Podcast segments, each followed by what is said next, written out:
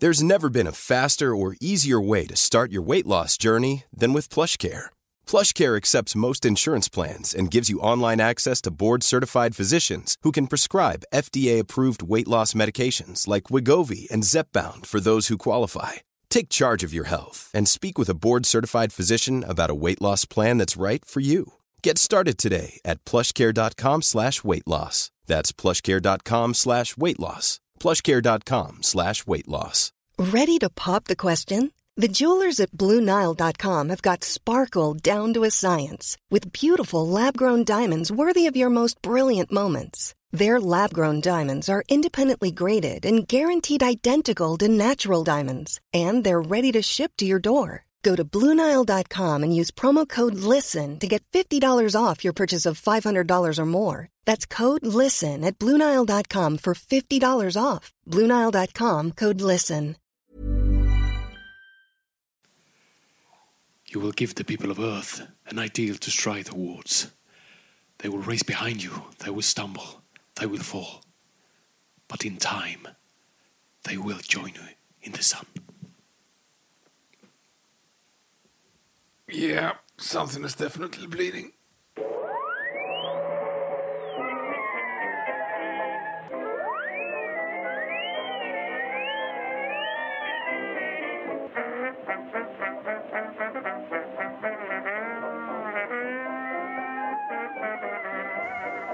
Då börjar det i stort sett bara. Hej och välkomna till Nörden jag, jag som är nörden, Fabian Nordlander. Och det är jag som jag, Viktor Engberg. Det här är podcasten i samarbete med Acast där vi pratar nördämnen, nördkultur kultur i ett slags bildande syfte. Jag försöker bilda Viktor i saker han tycker om men inte vet så mycket om. Och idag är en bra dag. I bra...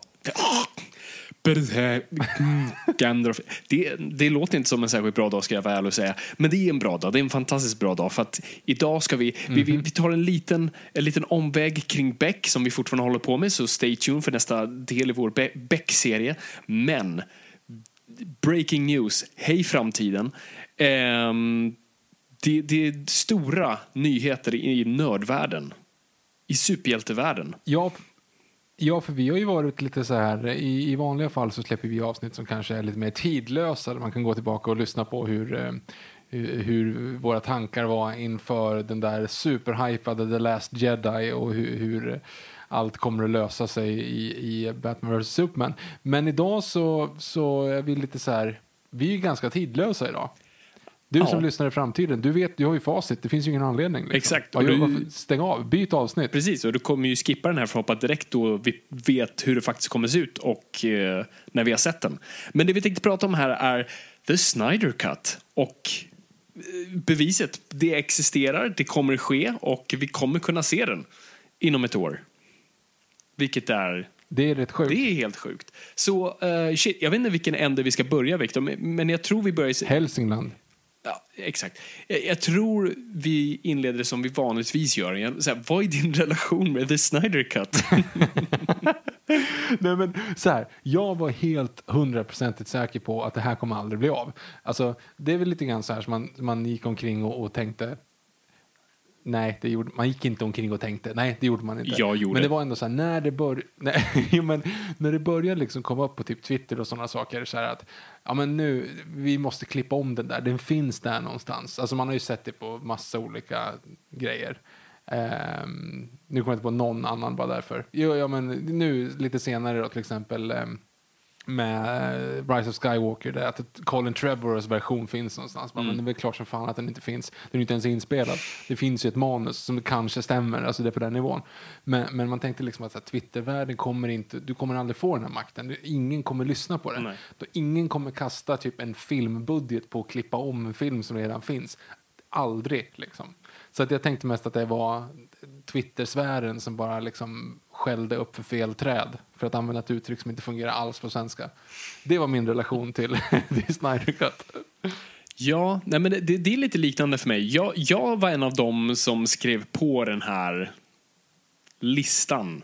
Vad kallar de de där uh, fanlistorna? Ingen aning, men det kanske var för att du var sån jättestort fan av eh, Sucker Punch. Mm, exakt. Nej, men så här, jag, och jag sa det precis då. Alltså, ingen av oss tyckte Justice League var särskilt bra. Men minns jag, du tyckte den ändå var liksom helt okej. men Jag tyckte den var okej för att den gjorde, den gjorde det den skulle för att jag satt bredvid ett, ett litet barn som typ satt och skrek åt skärmen så här, där är Aquaman, yeah! Hon var typ så här nio okej, ja, men det, om, han, om han gillar det så borde jag göra det, vem är jag liksom? Ja, nej men alltså, så, jag kände, det är inte som att, alltså, för jag har ändå följt den här hashtaggen ganska, ganska mycket och, och det är som att folk tror att det, det ligger ett gömt mästerverk där, någonstans i en burk. Jag var aldrig en av dem som trodde det, men jag är väldigt mån om regissörers vision och, och vad deras intention är med, med, med deras filmer och särskilt under de tragiska omständigheterna som, som det blev kring Justice League så ville jag bara, så här, det- var sånt där alternativt universum där jag ville bara se vad som var tänkt, hur det faktiskt hade varit. För det är inte så, alltså vi har ju varit rätt hårda. Jag gillade Man of Steel. Eh, jag var ju, eller vi båda var inte supersnälla mot Batman vs Superman. Men, men en av de grejerna som jag ändå, jag gillar av någon konstig anledning Zack Snyder fast jag typ inte gillar hans filmer. För att, eh, eller jag, gill, jag, tyck, jag tycker om hans filmer, jag är inte bara ett superfan men det jag gillar med honom är att han är en riktig så här, blockbuster, nästan Michael Bay-esk regissör men som har lite av ett autörhjärta och det jag gillar är att han oftast har någonting han faktiskt vill säga med sina filmer. Han fick försöker trycka in massa stuff. Och det pratade man med Batman vs Superman, att det var det vi beundrade mest av. Att så här, I spektaklet som är kaos så finns det faktiskt idéer han vill uttrycka. Han är inte bara så himla smidig med dem. Alltså, han är inte en sån här snygg eh, jag ska inte säga att Nolan är, är särskilt uh, smidig heller i sina budskap, men han är, han är framförallt inte en sån här riktig franska nya vågen-regissör som så här, smyger in sina, sina små budskap. Han är en stor elefant som bara klampar in och skriker vad han tänker. Hörni, allihop, kolla där, kolla exakt där. Precis. Ser ni den där grejen? Ja. Men det är ändå det jag, Ja, jag beundrar ändå att han har det och han försöker applicera det i de här stora, episka blockbusterna. Och jag var glad att han gjorde det med ett universum som skulle rivalera Marvels. Marvel som, som vi tycker om och vi är fans om. Men det är inte jättemycket mellan öronen på de filmerna. Och det är inte poängen att det ska vara heller. Alltså det är ren och skär underhållning på, på sin mest färgglada nivå. Och det jag gillade med DC-filmerna var så, ja, men de, de försöker i alla fall någonting annat och de, de har en ton och de har idéer. Och, och det var lite det jag ville med Justice League, för Justice League blev ju bara en ganska banal pannkaka. Och eh, jag har ändå hopp, alltså jag tror, jag hoppas bli motbevisad på det här, men jag tror väl inte att Snyder Cut är kommer vara ett mästerverk. Alltså jag, jag, jag är tyvärr rädd för att, jag, att den kommer vara rätt dålig. Men då vet jag det i alla fall. Och då har regissören fått liksom uttrycka det. Och då, då, då vet vi, då kan vi lägga locket på det. För att det blir ju lite den här, alltså mystiken kring sådana här filmer är ju, man bara, det är precis som man gör på, jag vet inte, politiska partier mellan val. Man bara applicerar sina drömmar på dem och sen blir man alltid besviken. Liksom. Eh, och det är väl lite det vi, vi, vi har här. Men, nej, men jag är superglad att, att det blir av. Alltså, på, på, på så många plan. Och jag tänker att vi kan, vi kan diskutera dem här. Vad... Så, så låt mig först fråga, vad, vad, vad, tro, vad, tror du att Snyder, vad tror du att Snyder Cut kommer bli för någonting? Alltså, tror, har du, tror du att det är ett mästerverk eller är du bara helt ointresserad? Jag gillar bara allegorin liksom. Snyder Cut och Centerpartiet. Eh, nej men eh, det är en... nej men så här. Jag, jag måste bara gå igenom mitt eget huvud här nu i vad Snyder har gjort och vad man egentligen tycker är bra. Eh, jag kommer ihåg att när jag såg hans eh, Romero eh, re, reshoot, vad fan heter det? Remake. Herregud, jag kan inte prata. Remake heter det. Bra, tack. Eh, tyckte ändå så här, ja men fan det här var lite fräckt och coolt. Jag såg 300 första gången på bio och höll på och ja, jag tyckte den var så jävla cool. Eh, Jag tyckte den var riktigt, riktigt fräck. Alltså det var liksom så här en 14-årig Viktor sa det här är fan en femma. Alltså, jag har aldrig sett något så här snyggt. Eh, men jag tyckte också att eh, jag sålde också in skenbart eh, till en kompis genom att säga att det är den svenska filmen med mest dataanimeringar i historien. Jag tror jag var den kompisen. Ehm, så att du förstår. Ja, jag tror att du gick på det också. Men eh, du förstår liksom själva... jo, men du förstår själva principen. Eh, men, och sen så gillade jag verkligen Watchmen och det har jag ju sagt så många gånger som helst. Det är en av de här, största bioupplevelserna jag haft. Det är den och Gravity typ, och Konungens återkomst. När man satt och kollade på bio och bara så här... What? Och självklart även Antichrist, men inte på grund av det.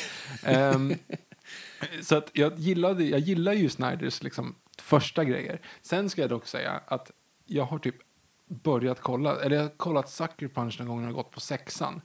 Och du vet man var så här, vad i helvete är det här?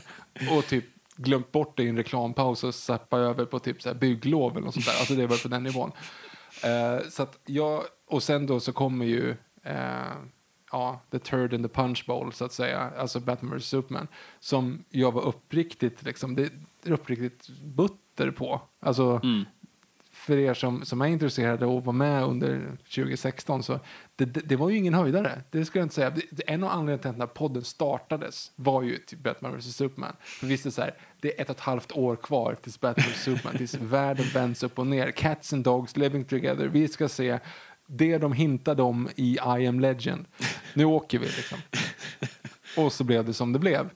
Eh, och det var ett sånt stort besvikelse att det var nästan lite så här, aha, ja just det, vad, vad är vi, vad gör vi i den här djungeln egentligen? Vi är liksom 20, då 26-åriga skäggiga snubbar liksom sitter och kollar på barnfilm och blir, blir sura för att de inte är som man vill. Alltså det var nästan lite så existentiell nivå efter den filmen. Eh, så att sen dess har jag varit lite butter. Och sen så kom ju Justice League och tänkte man så här, nu kanske löser det och det gjorde han ju inte. Så att, eh, nej, jag som du säger, jag tror inte heller att det finns ett mästerverk där bakom. Eh, vi kommer kanske komma in på det lite grann sen, vilka andra filmer som är under samma båthus. Liksom. Och det jag tror, det är att det kan finnas ett betydligt, åtminstone mycket betydligt, jag kan inte prata, en betydligt bättre film bakom David Ayers Justice League, eller bakom David Ayers Suicide Squad. Men det är en annan femma. Yes. Eh, så Fabian, avbryt mig. Nej, men det, det jag tror med Snyder, jag, jag tror Snyder Cut var, var när det väl kom ut och att det skulle bli av så tror jag det bekräftade oss som kanske hade den mest realistiska bilden. Det fanns de som sa nej, nej, det, det finns en färdig film som ligger i filmburkarna på Warner Brothers som, bara vänt, som de bara sitter på. Och sen fanns det de som sa nej, nej, alltså det finns ingenting. Alltså det finns bara några ihopsläng av bild, stillbilder på Henry Cavill utan mustasch. Och sen fanns det väl de av oss som sa så här, det fin- alltså, allting är såklart filmat, det, det, det krävs inte så mycket att lista ut det. Men, men troligtvis så är det otroligt mycket efterarbete kvar på det. Alltså, eh, troligtvis, alltså den, om det fanns ens en cut så var det bara ett hopsläng av scener slarvigt klippta och en sån här rough cut och sen så har du ju en assembly cut snarare. Och sen så har du bara massa storyboards mixat med kanske lite previs och det har du i bästa fall. Och det är väl det som... Nu killgissar jag. Förlåt? Nu killgissar Ja. jag, men visst var det väl så att den visade för några exec? Alltså de visade väl för några chefer på Warner Brothers som bara oh, fuck no och så nu, nu måste vi göra något annat. Eller har jag drömt det? Ja, det, Det har väl, det, det, nej, har väl men det- visats liksom typ åtminstone, inte som du säger en rough cut eller en assembly cut, men alltså det var ju ändå citationstecken en film Mm. Som, har, som har visats. Jo, men så, en, en assembly cut, såklart. Och, och det, det, var ju, det är ju spekulationer såklart. Eh, men jag tror säkert det stämmer. Det är ju, alltså, jag tror särskilt när Snyder valde att kliva åt sidan så kollade ju säkert eh, cheferna på vad är det vi har? Oj! Och hur kan vi fixa det här? Eh, och, det, och det är inget, liksom, det är inget att säga emot Snyder så, utan det, det är såklart det ser ut så. Alltså en assembly cut är kaos, det är skit. Och jag tror säkert när du har en sån här, alltså, jag skulle väl gissa att den här filmen har jättemycket trådar, jättemycket scener, den är väl säkert fyra, fem timmar lång. Eh, och eh, det såg nog bara ut som kaos och de tänkte, eh, vi, vi har leksaker som rider på det här så att eh, nej, så det här kan vi inte ha. Och ehm, så det, så det var nog väldigt mycket det, ja. Eh, men, men ja, det- det är nog det, det är åt sidan. Men eh, nej, men så jag vet inte riktigt vad jag vet inte vad jag var. vänta, innan, Mm. eh, det då bra, för då sticker jag in här för att eh, every comic book is someone's first comic book. Fabian, skulle du vilja- förklara så här stabila 13 minuter in, vad är The Snyder Cut för någonting? Ja, just det. För den, för den som vill ha ett arkiv. För den som inte hänger, för den som inte, nej men så här, för den som inte hänger på filmtwitter så kanske inte det här är helt självklart faktiskt. Nej, okej, så The Snyder Cuts blir, alltså, så vi har eh, Zack Snyder, han gör Man of Steel, han följer upp det med Batman vs Superman, det kommer ut att han även då ska göra en Justice League och det ryktas att det ska bli två filmer som spelas in samtidigt. Och eh, de drar igång, alltså jag tror filminspelningen sätts igång typ samma dag som Batman vs Superman har premiär. Och eh, det blir ju, det är de första rabalderna som slår lite och det är ju just att de är igång med produktionen, de filmar och så kommer recensionerna ut på Batman vs Superman. Och det är ju ett så här skämt vi har dragit nu flera år här i podden att man kan se i Justice League det är liksom scenerna innan och scenerna efter Ben Affleck har läst recensionerna. För innan så verkar så fan, han, verkar peppad, han, är, han ser så jävla bra ut och bara kindbenen är, är, liksom kan sticka hål på en ballong och han bara ser, verkar så jävla glad att vara där. Och sen har vi Sad Affleck i stort sett som börjar äta munkar i pauserna. Eh, det har nog också såklart med reshoots att göra, eh, men, men det var bara en kul grej att notera. så Um, ja, så det skedde. Så bara där, så under, så mitt i filmproduktionen, så redan då började det prata om course corrections. Och är det här verkligen rätt väg att gå? Är Zack Snyder rätt person att liksom ha det här? Och sen när eh, själva filmningen är typ klar, i alla fall mot slutet, så, så sker en tragedi i Snyders familj då hans dotter begår självmord och uh, han väljer att kliva av filmen med sin fru då, som också är producent på projektet, Deborah Snyder. Och eh, Warner Brothers går ut ganska snabbt, då, som jag minns det, med att ehm, eh, filmen kommer fortfarande bli av. Den som överser produktionen nu är Joss Whedon. Joss Whedon som hade regisserat Avengers 1 och 2 och var ver verkligen del av Marvel-stallet men som nu verkade vandra över till DC. Han blev även lovad en Batgirl-film, om ni kommer ihåg.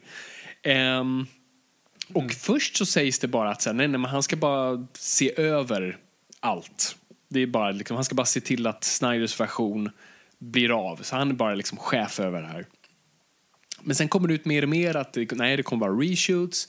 Det kommer typ kosta mm, upp mot 50 miljoner, eller vad, vad kan det vara, mellan 20 och 50 miljoner. 30, 30 mil typ, ja, det var ju hur mycket pengar som helst. Och det kommer göras en, en enorm ändring till det. Man tar in uh, nytt kreativt folk, man tar in Danny Elfman på musik bland annat. Och massa andra grejer. Och eh, ja, filmen kommer ut. Och vi ser det också, börjar se det lite i trailerna. Det fanns ju de här teaser-trailerna som släppte då Zack Snyder fortfarande var med på projektet. Sen finns det trailerna efter. Och man ser redan då, det är, liksom, en helt annan färgtemperatur till filmen, färgkod. Och eh, tonen blir allt mer skämtsam och man, man börjar se liksom nästan hur filmen modellerar om i realtid. Och sen kommer filmen och jag tror vi alla fattade väldigt snabbt att det här var ett jävla ihopslafs av två olika versioner. Och, och, och med liksom... Cherry on top var ju mustaschen. Henry Cavill då tog sig in för att göra reshoots, han var mitt under Mission Impossible-filmningarna eh, där han då rockar, jag tror den bästa mustaschen i filmhistoria om jag får argumentera så själv. Och eh, okay. har någon varit så fager på film? Jag vet inte. Prove me wrong.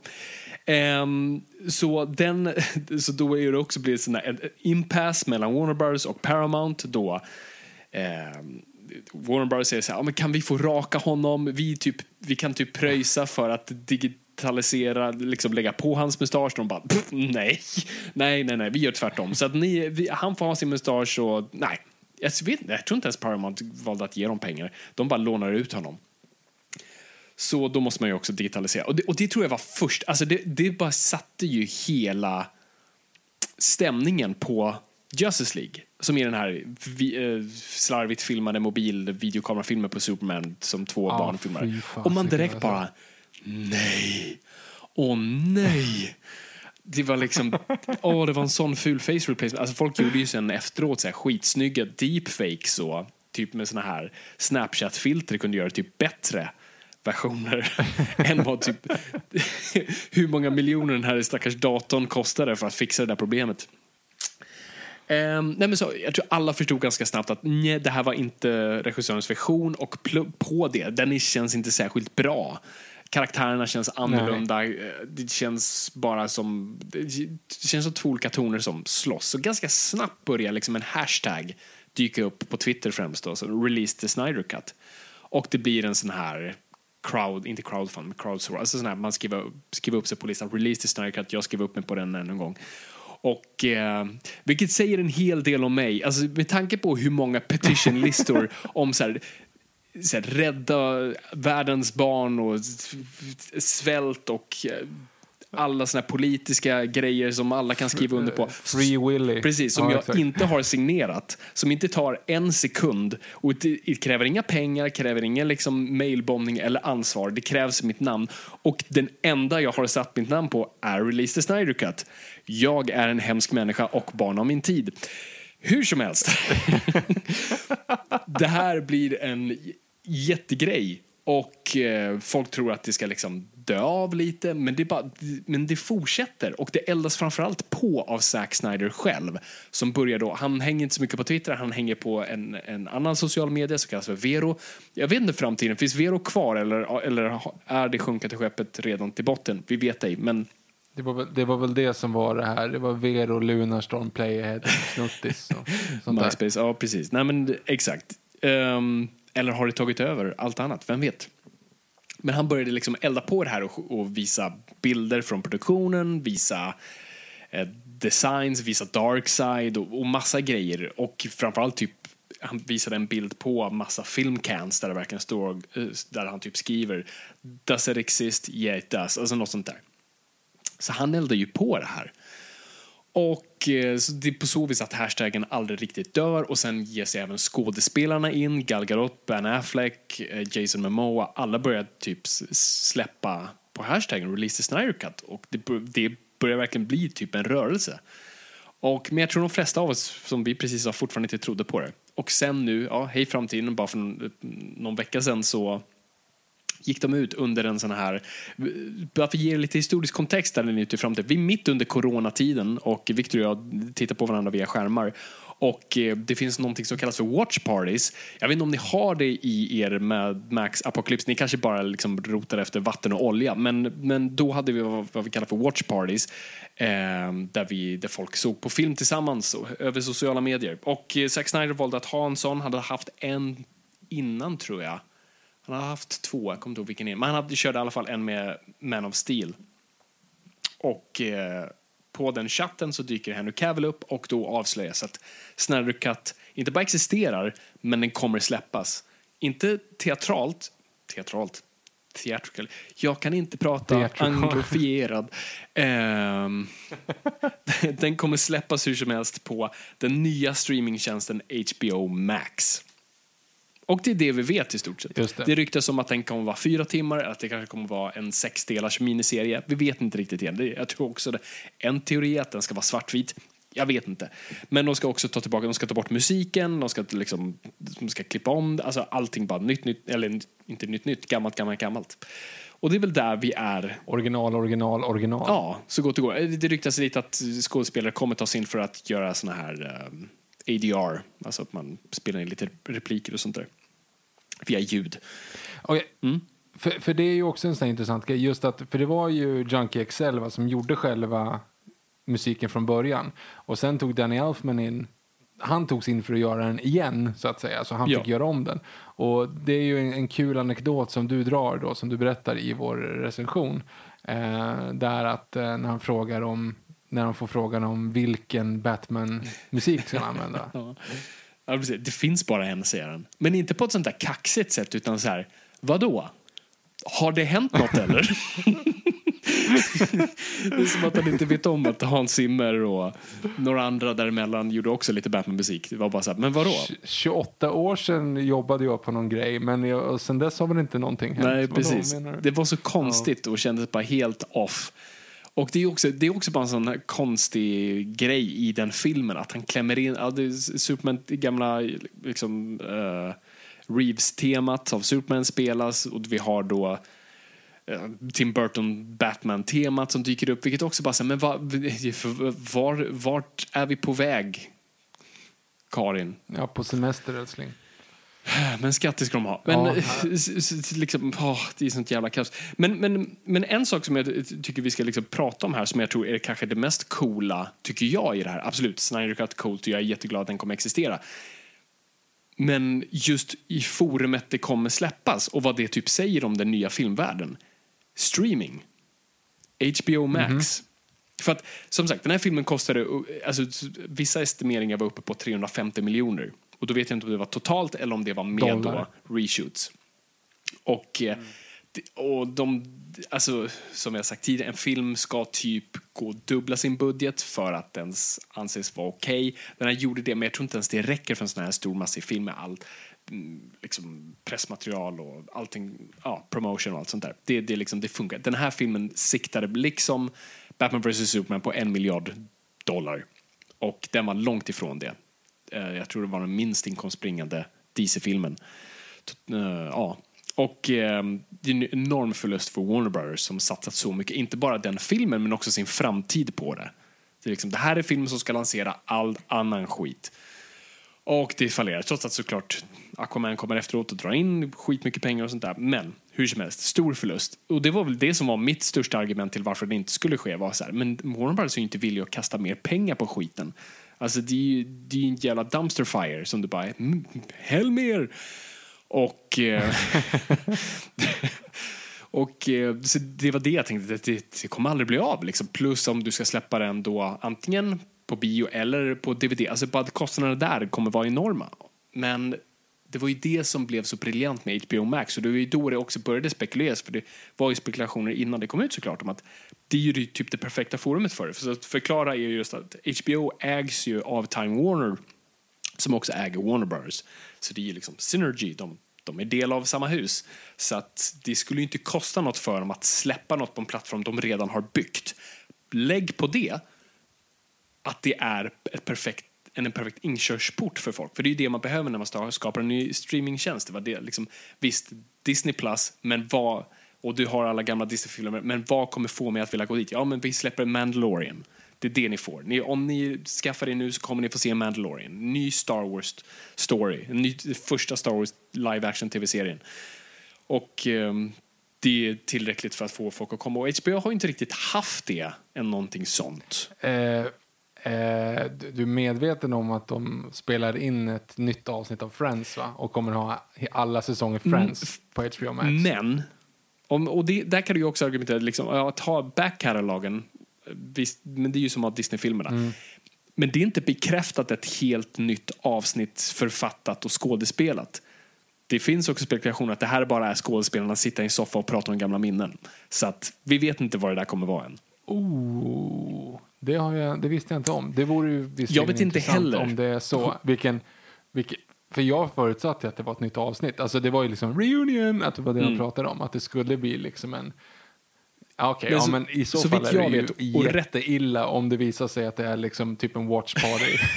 Alla via. Skype, men Jennifer Aniston är inte ens med. Det är bara Lisa Kudrow och eh, Matt LeBlanc ja, det, via Skype. men Lisa, eh, Lisa Kudrow, hon, hon skådespelar ju ändå lite grann fortfarande. Så hon, Ja, ja. hon kanske inte är med. Det är bara Matt LeBlanc och Matthew, vad heter han? Heter? Vad heter han? Matthew Broderick var jag nära på att säga. Men Matthew inte Perry. Men herregud. Matt, ja, just det. Ja. Han har inte gjort mycket på sista tiden. Nej, det har han inte. Stackarn. Han är ändå rätt bra. Skitsamma. Nej, men, och som sagt, jag rättar mig om jag har fel folk again, på Twitter och sånt där. Men jag har Det- för mig att det inte är bekräftat i vad, liksom, hur, det här, hur den här reunion kommer se ut. Så det kan lika gärna bara vara ett watch party. Men anyhow. Så visst, de har Friends och de kommer ha... Kommer de ha Sein? Nej, inte Seinfeld kommer de inte ha.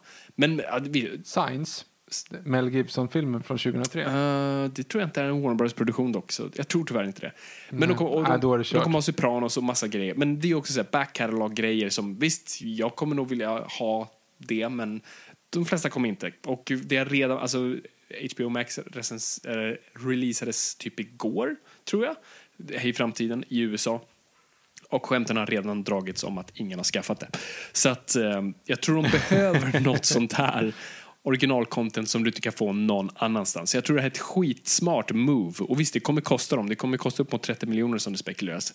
Men jag tror för dem, det är ju som egentligen en, en säsong av en billigare tv-serie idag. Så att, vad fan, varför inte? Så, um, Ja, eller som en random Adam Sandler-film för Netflix. Ja, precis. Så att eh, jag tror för dem så var det värt det. Så att jag tror det här var bara en perfekt ett perfekt sätt att göra det på. Så jag tror det är så många grejer som bara bockas av genom att göra det på så vis. Så um, Ja, det är ascoolt. Och det, och det var ju tydligen på Warner Brothers eget initiativ. De hörde av sig Det är till... ändå rätt fräckt. Vad sa du? Det är ändå rätt fräckt att de ändå lyssnar på fansen. Det är det man ska egentligen ta med sig. Ja, alltså. men okej, så låt, låt det vara en segway till nästa steg i det här. Fans. Är det här en bra grej i längden? För att de har nu smak, känt blodet i vattnet och jag är orolig för the wrath av andra grejer de kommer att kräva. För att, jag, låt mig förklara en sak för er där ute som inte riktigt förstår hur, hur en samlarhjärna fungerar. Du, vet, du trånar efter någonting, du tänker på det dag och natt, du söker efter det, du googlar det, du ser på bilderna, du kollar videor, du läser recensioner. Du, bara, du kan inte sluta tänka på det. Och det spelar ingen roll hur lång tid det tar, men du, du, bara, du, du har ett laserfokus på det du får. Och sen, en vacker dag, du har samlat pengarna eller du kanske har sökt bara länge och fokuserat nog, så får du den här saken. Den saken helt plötsligt trillar ner i din brevlåda och du har den. Du öppnar den, du ser den, du lägger den på hyllan, du går tillbaka till datorn och söker efter nästa grej. Och sen så har du en fem kilos, en och en halv meter lång stettvaran som kan bli 15 år gammal. Believe me, I've been there. Ja, men det, det, det, men det, det, jag vet ju exakt den här känslan. Alltså, och jag tror många av, jag tror vi har rätt folk där ute som lyssnar på det här och som också känner igen den här känslan. Och jag är rädd att det är så här fansen, för det var ju inte långt efter. Alltså när det här kom och folk var glada och hyllade och det såg ut som i slutet på Star Wars eh, Episod 6 minus eh, Wisa One. Lisa one. Eh, men så här, dag två, då var det så här, where's the Ayer cut? Och folk började liksom bara, och alla började bara kasta ut andra saker. Alltså det här kommer bli ugly. Och folk kommer nu inte ha en anledning att sluta. Eller folk kommer, ja precis. Ja, jag, jag, jag, du har säkert jätterätt i det där. Med det sagt så skulle jag gärna vilja se en aircut. Ja, nej jag köpte ju, Jag ser ju hellre som sagt en aircut än en uh, Snyder cut. är det så? Du ser hellre en Ayer cut än en Snyder cut? Ja, för att jag tror inte, alltså just för att jag tyckte att, okej, jag sa ju det innan, inför Suicide Squad. Jag hade ju precis sett Fury som hade fastnat riktigt hårt och kände att David Ayer var liksom, och han den här som jag nu inte kommer ihåg vad han heter med Jake Gyllenhaal också. Jag har sett två av hans filmer, hade ju liksom typ bara sett precis som jag spelade in. Så det var svinbra, han kan där 90 gritty, han kändes i intervjuer som så här, fan det här är en bra kille liksom. Det här, han, han, han kan sina grejer liksom, han tänker rätt, det här blir fräckt. Och så liksom hela den här grejen att alla i Suicide Squad hade tatuerat in den här squad-tatueringen för att de hade så jäkla kul på inspelningen och kände som att så här, det här allt det här är bara bra. Det har varit fantastiskt. Det är bara A-list-skådisar. Och liksom, de, har klippt, de har gjort de här trailersna som var svinbra. Det var någonting om att de hade klippt om lite grann efter man hade gjort trailer. Men det spelar väl ingen roll. Liksom. Det, är väl, det är väl bara kul. Och sen så börjar filmen. Och sen så börjar filmen. och det är liksom, ja men det är typ NCIS Los Angeles avsnitt liksom. Alltså det är ju, det är ju inte bättre kvalitet än så. Och, och jag känner verkligen att, att det finns någonting där, för det var väl lite grann grejen också. Det släpptes ju en trailer som var så jävla hypad. Ja. Så att de liksom vågar inte. Det var ju en av de mest sedda trailersen någonsin, typ. Eller mest älskade i alla fall. Eh, hur man nu mäter det. Och då var det så här, äh, men vi, fuck, filmen ser inte ut så här. så här de älskar trailern, men, men varför, varför gör det så här? Så de tog väl till och med in, om jag förstått det här rätt, eh, företaget som klippte trailern Yes. fick gå in och börja peta i liksom, filmen. När den typ mer eller mindre var klar. Och David Ayer har i efterhand sagt att bara, "Eh, ja, nej, det var ju inte riktigt så här jag ville ha det. Ja, det är det. Eh, Och nu har han till och med gått ut och sagt att min version är typ lika mörk som eh, Todd Phillips Joker. Liksom. Ja, shit.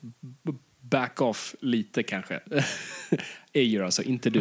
Nej, men, eh, det- är en sån udda historia tycker jag. För att jag för mig att han sa när den filmen kom, bara, nej, nej, det här är den versionen jag vill. Så han liksom, Ja, då, ja. precis, han spelade lite, lite boll där. Snyder var ju, hade ju ändå mod nog att, visst han sa inget rakt ut först, han var bara tyst. Vilket jag tror var rätt väg att gå och sen har det liksom ökat mer och mer eh, det han har sagt om det. Men Ayer var ju först nej, nej, det här var det liksom, det här är den jag har skrivit under på så det, det, det är lugnt. Och det är väl varit det som varit det. Eh, Men nu så blev det lite som att liksom när Snyder Cut väl annonserades ut så började han, även han då som du då nämnde där, han började släppa lite bilder, han började säga nej alltså, och började prata så här, ni vet när man har en vision och någon kommer att trampa på den, okej, chilla.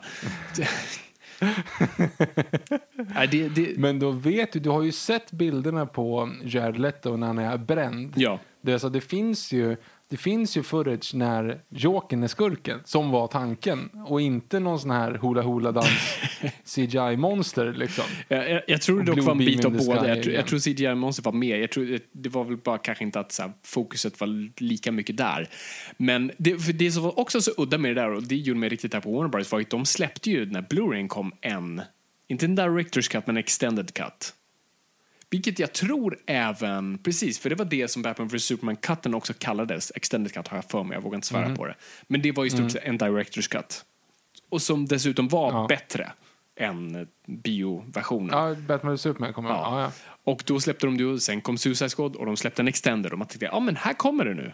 Och det var ju, de hade ju bara slängt in, jag, jag, jag minns inte ens vad ändringen var, det fanns typ ingen ändring, de bara slängde, slängde in någon scen lite såhär willy-nilly där. Sju minuter till Ja. av filmen. Precis, och lite mer eftertexter på det. Och filmen var fortfarande lika dålig. Så det är typ en av mina värsta köp tror jag. Räknar jag fortfarande som en som jag är så arg över att jag har köpt och stött. Suicide Squad Blu-ray. Hur många versioner av Jurassic Park har du?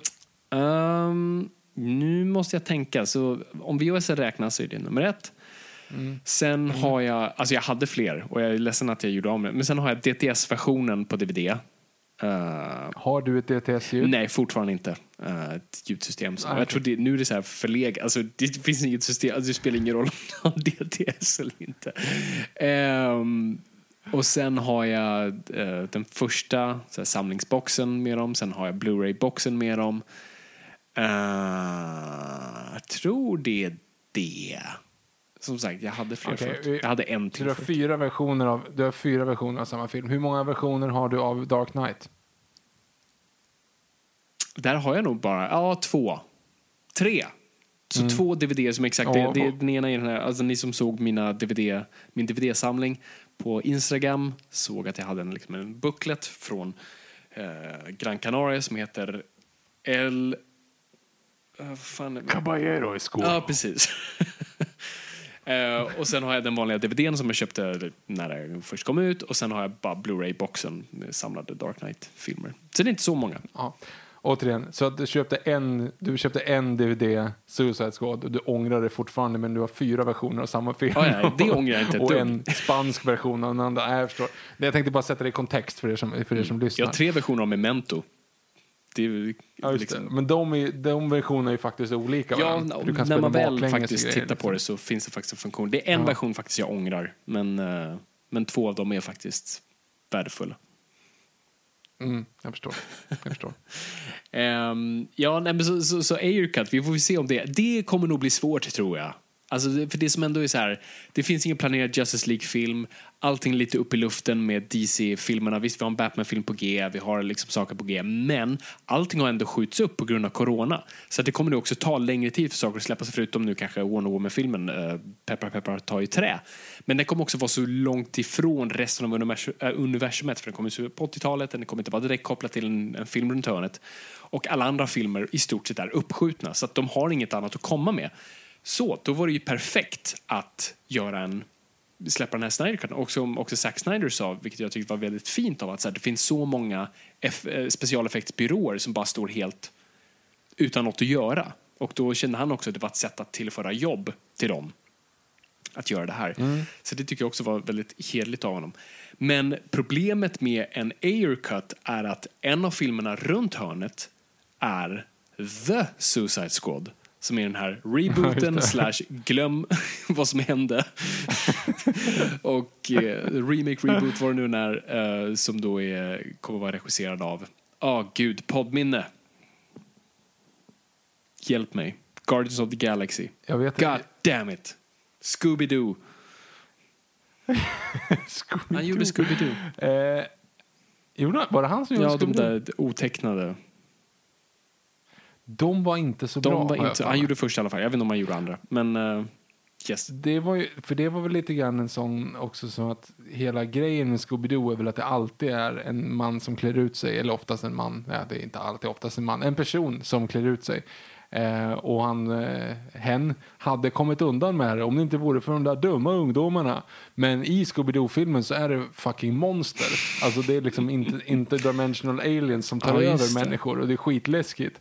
Ja, nej, det var lite olikt. Den var Eh. bra castad dock, det måste man ge. Och James Gunn heter regissören by the way.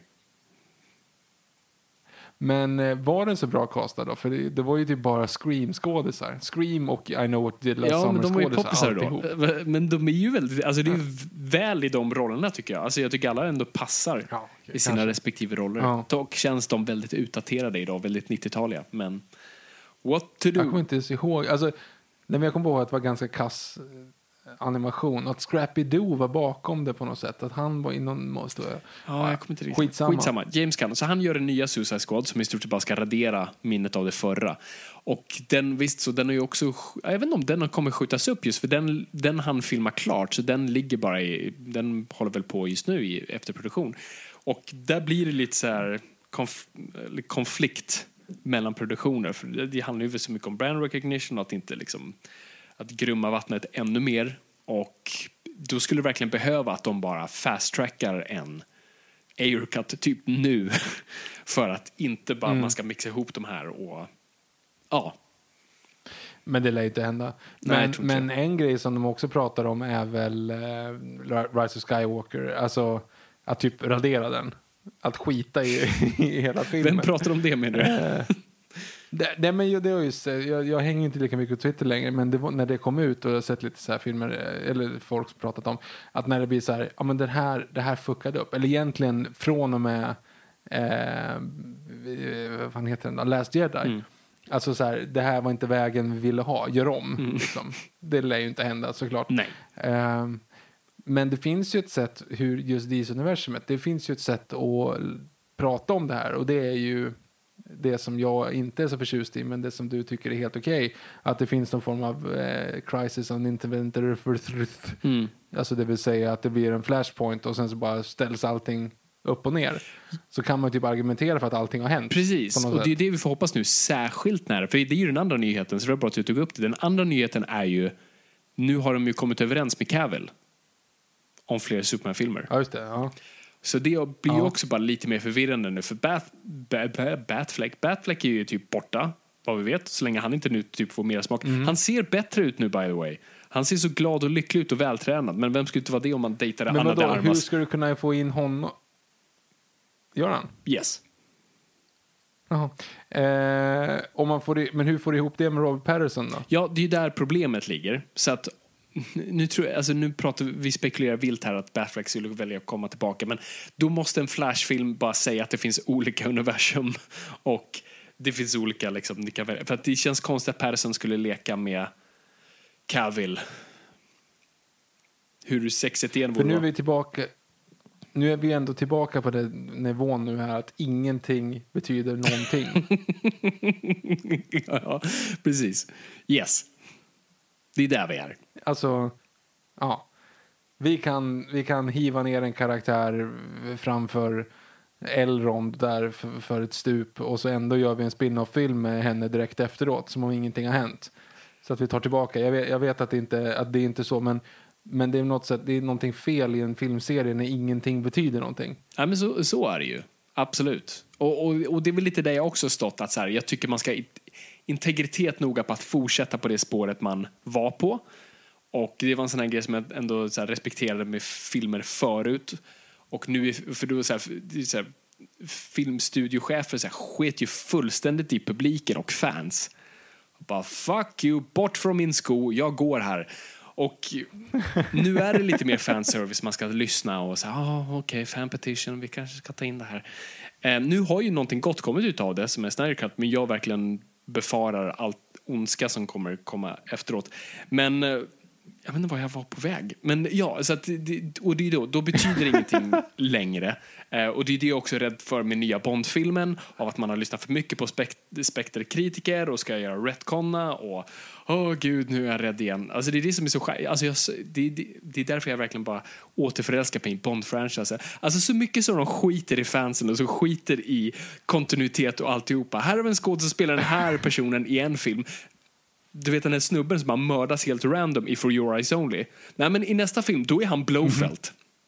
Inte karaktären, men skådisen. Vi diggade honom. Han var nice, han lagade god pasta på produktionen och nej, men nu är du Blowfelt. Och man bara så här, så, Telle Savalis bort.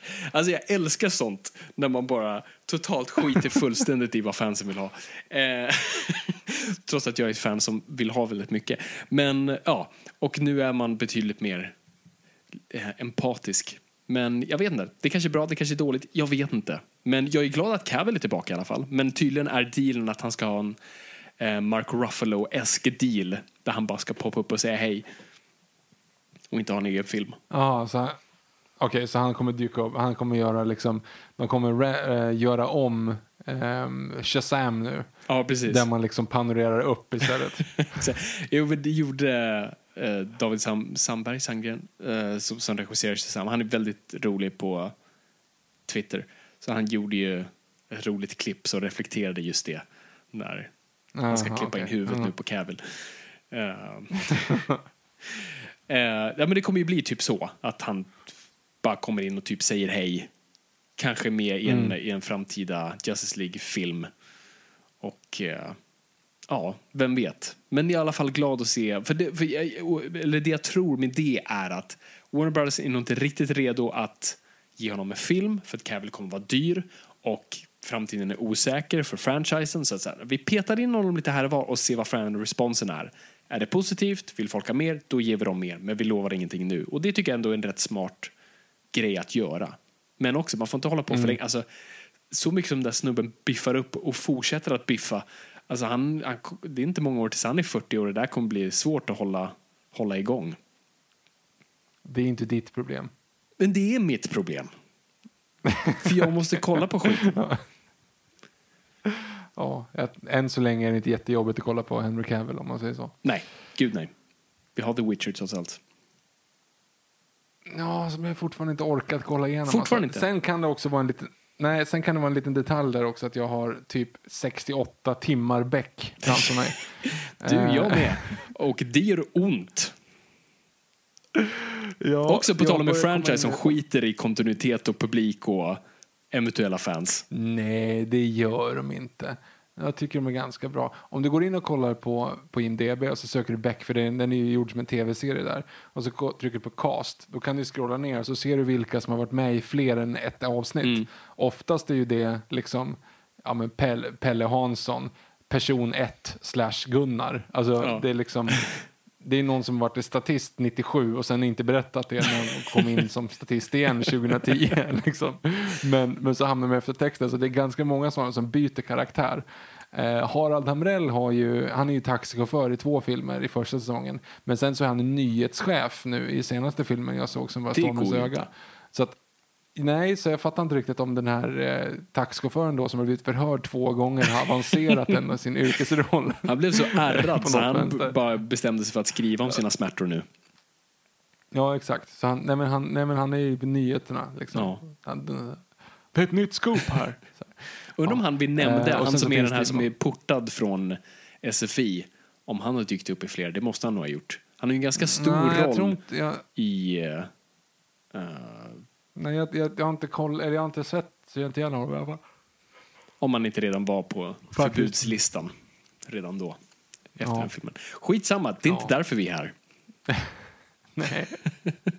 Men eh, vi ska gå in på lite andra filmer. Men jag, jag vill bara säga att jag, jag är väldigt glad för det här. Eh, trots att jag också är väldigt rädd för, för framtiden. Men jag, men jag är glad för, alltså jag, så än en gång, jag gillar Snyder. Av någon konstig anledning så gillar jag honom. Och eh, jag är bara glad att han ska äntligen få, få sin röst hörd. Och eh, det är jag glad för. Ja, nej, men det är kul att det funkar på något sätt. Ja, Med reservationen för att folk kan bli odrägliga, men det får vi väl ta. det får vi ta. Ska vi prata om lite andra intressanta filmer, och, eh, men gå över till reklam först? Bra idé.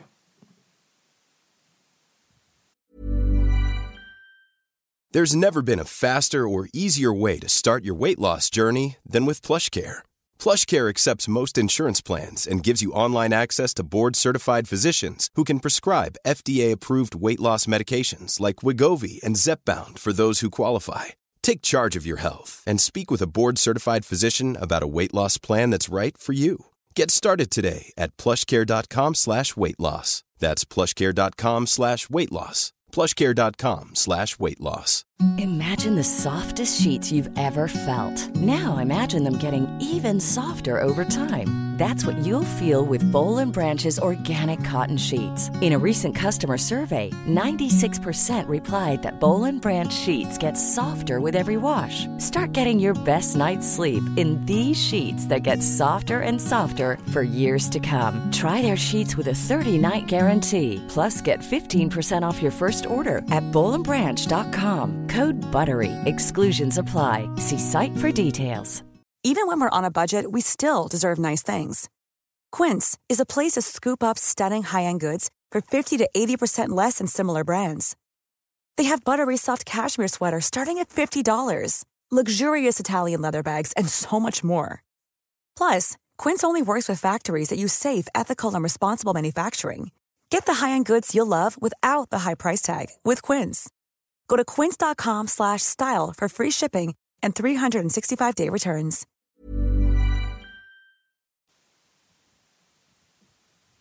And we're back. And we're back. Okej, Viktor. Det här, det här fick en att börja tänka på andra filmer som har typ alternative cuts eller som, som, som är mytomspunna, som har scener som vi aldrig fick se. Alltså, är, är det någonting du tänker på i och med allt det här? Får, får du några flashbacks? Det finns, alltså så här, det finns några scener. Alltså, jag, jag kommer inte på någon som är så här, det här är en film jag måste, jag måste se som jag vet finns där ute. Men jag, finns, jag vet att det finns vissa scener till exempel som är bortklippta. Alltså så här, inte de som var med på DVD utan de här liksom, som hade ändrat en hel storyline. Typ. De har jag hört talas om från olika filminspelningar. Jag, jag tänker främst på en, eh, en, eh, en sp- spännande thriller, en ungdomsfilm från 2003 regisserad av Teresa Fabek. Um, Hippipora där, det, det, kretsar kring en ung, ung kvinna som blivit fotad i väldigt eh, utsatta positioner och det är en eh, ond kille som heter Maus som, Som man heter. som retar henne för det. Ja, som, som retar henne för det. Och det finns då en scen att när han ramlar på slutet, när någon fäller krokben på honom, så är det någon som ska ta en bild på honom också. Och som den bilden, som liksom, they sort of rhyme med den här första bilden i, som, som eh, vår huvudkaraktär utsätts för. Men den scenen när, när Maus blir fotad är ju, blev ju bortklippt tyvärr. Release the Fabian cut. Så den hade... Fabian förklara vad jag egentligen sa. Ja, nej, precis. Veteranlyssnare vet storyn. Så jag var med i en liten film som heter Hippipora eh, från 2002, 2001. Eh, där jag hade, var en, vad man då kallade, eller säkert kallade det, avancerad statist. Så jag var klasskompis till nu kommer jag använda ditt minne, Viktor, och jag var med i film och kan inte ens personens namn. Vet du vad skådisen heter och hennes roll? Karaktären heter Sofie. Eh, hon heter Amanda. Amanda Hon var en av de där som också som hypades skitmycket Ja, gud, ja. när filmen kom och sen glömdes bort. Ja, men sen hade hon en Ehm. kolumn i Expressen Fredag ett litet tag. Aha. Du blandar inte ihop henne med Ebba von Sydow nu? Nej, men de är väldigt lika. Mm, Okej. Ehm, Det är bra att vi kan jag det tänker här. också på Källa... jag tänker också på Källa Bie som var med i filmen eh, Vuxna människor som var nominerad till en Guldbagge i Vuxna människor. Och sen så glömdes hon bort lite grann. Jo, men också Men hon hon... fick inte så mycket fler roller. Men hon kom tillbaka i eh, Beck, eh, vad fan det nu hette, den med, med Björn, Björn Bengtsson, han som heter Karl, han som var med i Bröderna Karlsson och spelar sin egen tvillingbrorsa i Kjell Sundvall-film som inte var så bra. Eh, I den filmen som jag inte, nu inte kommer ihåg vad den heter, den heter alla heter ju typ samma sak. Tyst vittne, farligt skott Ja, eller dödligt mord eller vad fan, alla heter ju någonting sånt. men men, men hon, var, hon ko- gjorde comeback i alla fall i den från 2006. Kul. Var det en comeback som, var som vi? varade? Eller var de bara... Det vet, ja, men hon har gjort lite så här, Nej, men hon har gjort lite morden i sanden. och där. Jag, faktiskt, jag vet inte, jag, jag, jag, jag har dålig koll. Det känns som det är hon om det. var Också hon huvudrollen i. Älska mig. Hade också en sån här, hon var superhypig. Jag tror till och med hon vann Guldbagge för den rollen. Ja, just det. Och också sån här Ja, superhypad och allt sånt där. Och sen bara poff, bort. Nej, men vi var ju duktiga på att hypa liksom. Det här är den nya heta skådisen som kommer liksom ta världen med storm. Precis. Och så bidde det inte så. Nej. Eh, Eh, USA är ganska duktiga på det också. De är så här, här kommer någon ny och fräck eh, som är jävligt bra skådis, kan allting och liksom så här trovärdig och, och får oss att gråta. Vad ska hon få spela i den största franchisen som, som finns? Jo, Maskatana. I alla fall, fortsätt. Jai Courtney. Ja, just det. Jai Courtney. Sluta få Jai Courtney att hä- att hända. Det kommer aldrig hända. Också lite... Åh gud, vad heter han nu då? Eh, Avatar. Worthington. Ja.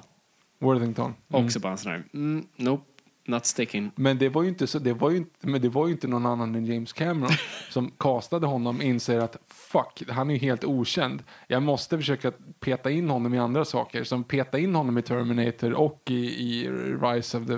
Hör ni där borta, ni Terminator. Nej, alltså jag bryr mig inte om er egentligen. Men jag kan väl säga att jag typ står bakom er om ni castar den här snubben. Typ Ja, så. Och sen så, ni, ni där som, ni kommer tjäna shitload of money om ni postkonverterar er film. Eh, eftersom jag kommer nu göra en 3D-film som kommer slå alla rekord. Så här, här har ni sett, ett tips i hur man po- postkonverterar. Men då måste ni kasta den här snubben. Kan han skådespela? Jag vet inte. In med honom.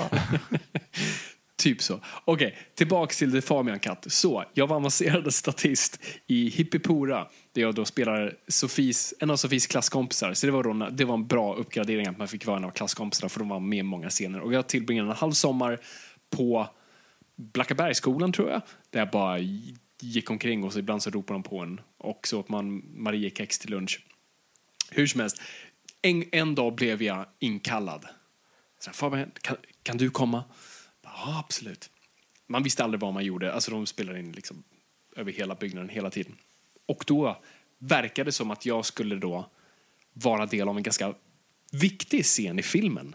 För då, som Victor beskrev då, så är det den här scenen då eh, Sofie blir full på en fest och tuppar av och då tar massa douchiga killar väldigt, eh, ja, bilder på henne i en utsatt situation.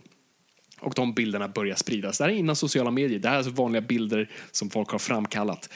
Ehm, och ehm, då skulle hela cirkeln slutas med att den här huvudkillen Maus trillar efter att ha konfronterat henne i matsalen och han bara ser väldigt dum och korkad ut och då ska en kille dyka upp från ingenstans och fota honom. För vi går alla runt med kameror i grundskolan. Men Och dessutom, tänk vad han skulle skämmas när han sitter där på golvet. Ja, eller hur? Precis. Så, så jag fick den rollen som var den här killen som har en close-up. Det här var ju viktigt då. Alltså man, man var ju i hierarkin bland liksom, de här personerna som bara fick gå i bakgrunden, de som hade halvbilder och de som hade närbild. De var coolaste kidsen i den fake-skolan. Eh, så jag skulle bli en av dem.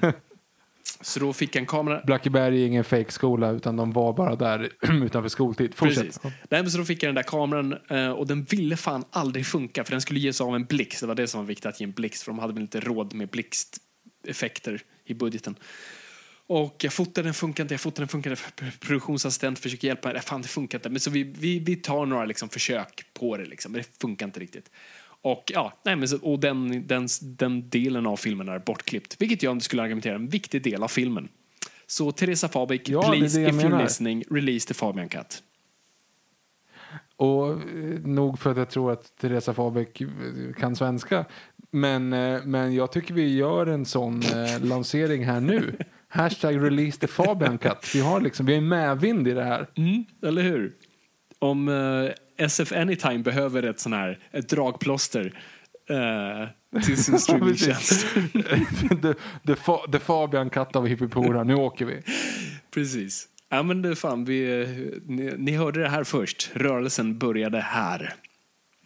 Och för övrigt så kan ni ju också, för den som är intresserad, om ni hittar Hippipora så är det alltid en liten sport att leta efter Fabian i den. Den är, är lite kul. Det går. Det går. Det går absolut. Eh, om man liksom... Hashtag dimecaps.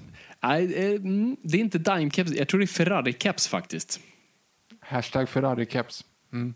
Eh, notera att det är pojken som inte vet hur man böjer kepsskärmar, så han bryter av dem helt.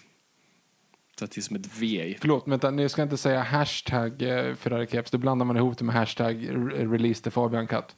Eh, men spana efter kepsen så att säga. Follow the white Röd rabbit. keps. Mm. Det finns. Du då Fabian, vill du att någon film ska releasas? Eh, jag vet inte om det finns några som jag vill... Ska, alltså det finns ju alltid sån här... Åh, jag önskar att de gjorde den här första versionen av X-Men First Class som bara är Michael Fassbender som går runt och assassinatar nazister. Det hade varit så jävla coolt.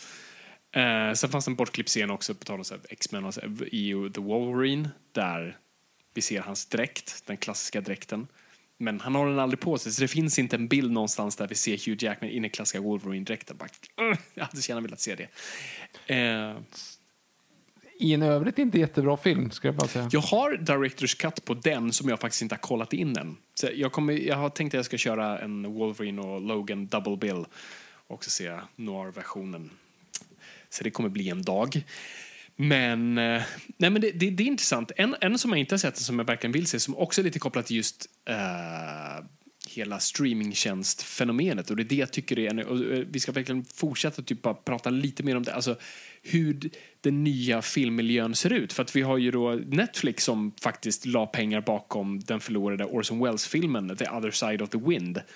Som inte riktigt är, den kommer ju inte locka mycket folk till plattformen. Men det är ändå en film som de valde. sen, nej, men vi väljer att lägga pengar på att den ska färdigställas och släppas. Vilket är ascoolt att de gjorde det. Och fick en, alltså, för att Netflix är inte riktigt ett, en himmel för filmälskare. Alltså, det är bara filmer som är oftast inte är äldre än tio år. Det är svårt att hitta liksom, äldre filmer, klassiker eller liksom, mer udda grejer. Du upptäcker sällan saker på Netflix utan du har snarare- snarast liksom, ja den där såg jag för, på bio för några år sedan, den vill jag se igen. Um, jag vill se mer av sånt. Eh, för det är, det, och det är då kanske kopplat till, till de här filmerna som just gick lite förlorade. Jag tror, jag tror du kommer nog aha på den här, för den, det är nog kanske det mest kända fallet av scener som gick förlorade som vi aldrig kommer få se. Aha. Hade du en nu eller? Eller jag inte... Nej, nej, du sa att det skulle... aha. Ja, så att jag men tänkte jag har att... inte sagt eller det. vill, vill du ha nu? aha Eller? i- i- Nej, okej. Nej, okej. Nej, men säg till. Säg till då.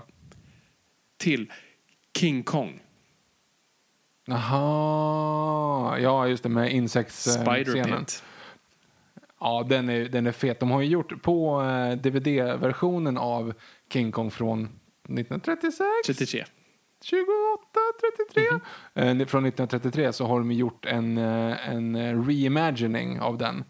Alltså de har ju gjort med en ny inspelad version med typ puppets istället. Ja. Ehm, vilket inte ser jättebra ut, men, men det finns en sån i alla fall. ehm, I den. Och sen så gjorde ju såklart Peter Jackson sin tolkning av det. liksom. Precis. Som fanboyen han är. Det tyckte jag ändå var väldigt fint att han valde att göra det. För det är egentligen en ganska onödig scen.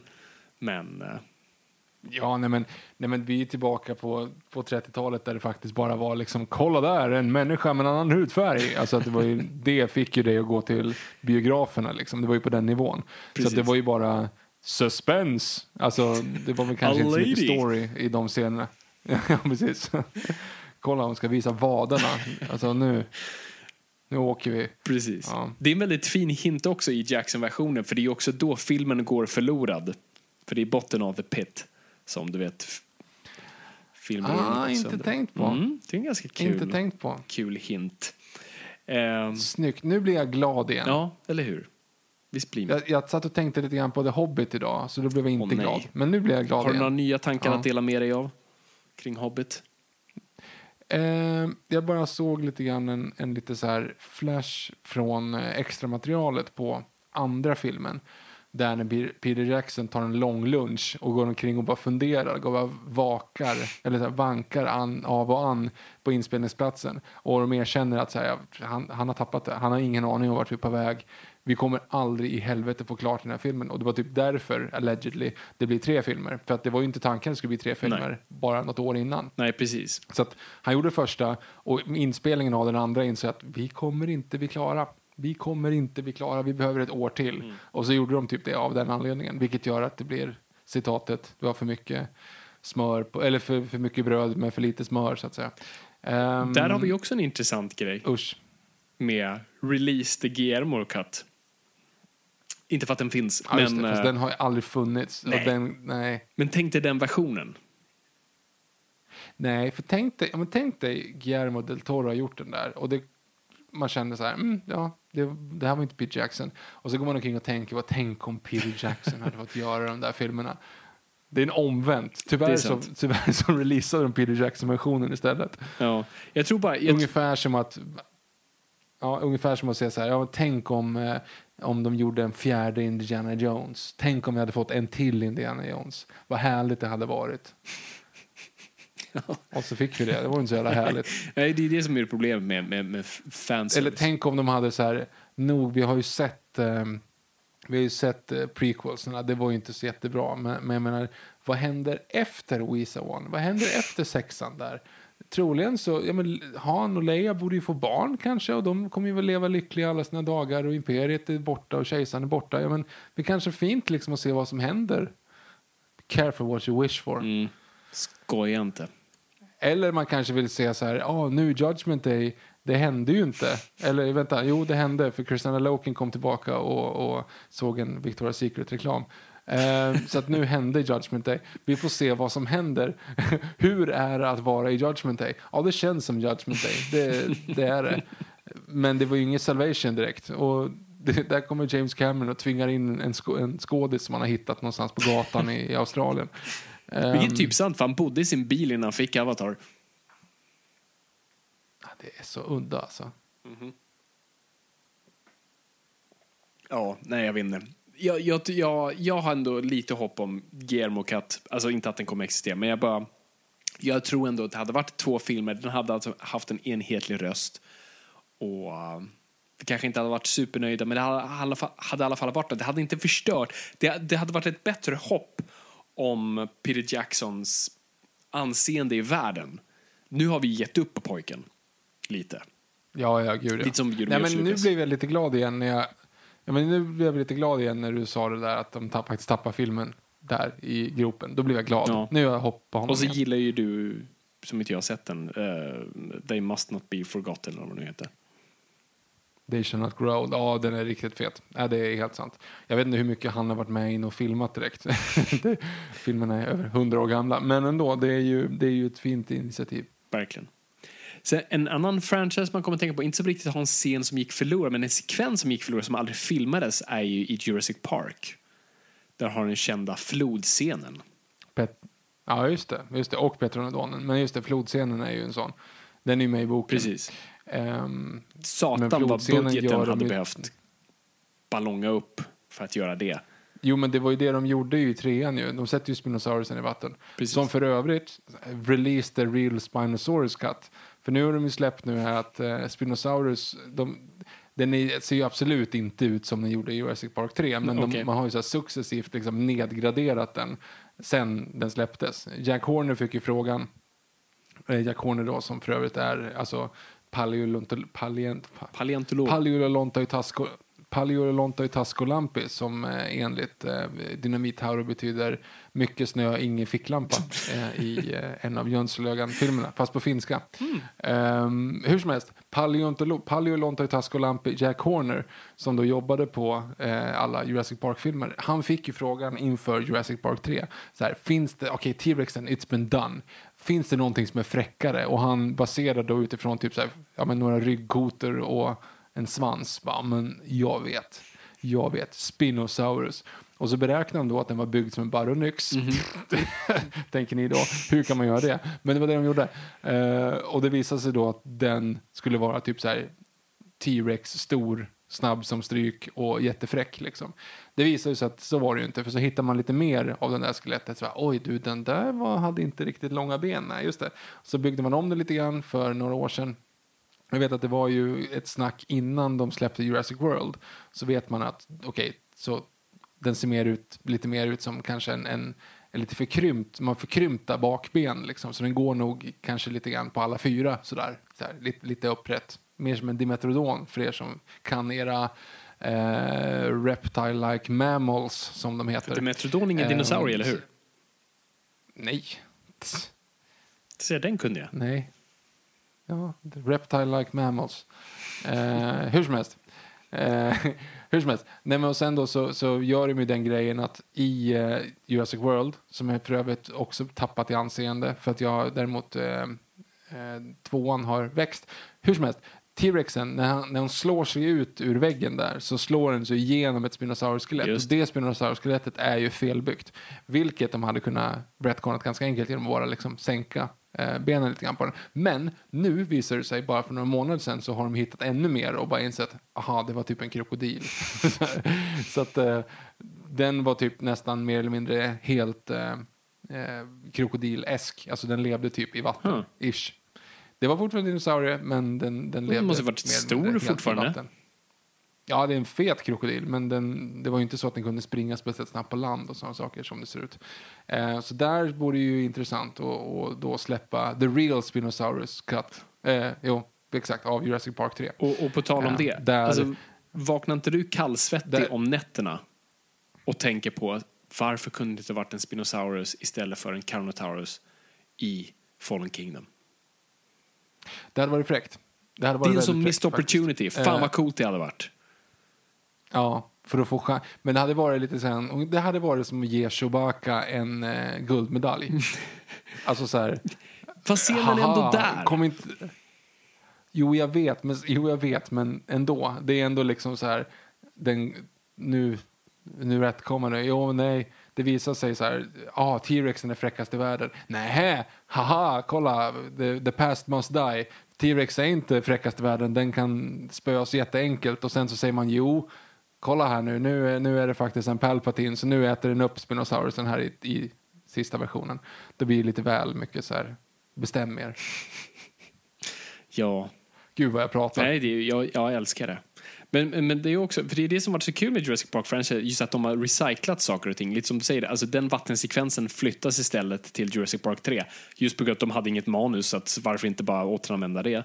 Liksom Petranodonen i Uh, som också var påtänkt, jag tror, i Jurassic Park, i The Lost World, i Jurassic Park 3, men som sen flyttas till Jurassic World med att den pokar någon genom helikoptern. Exakt, spetsar fortfarande också en, en riktigt så här, rolig grej. Filmjäveln är en timme och 22 minuter, alltså Jurassic Park 3.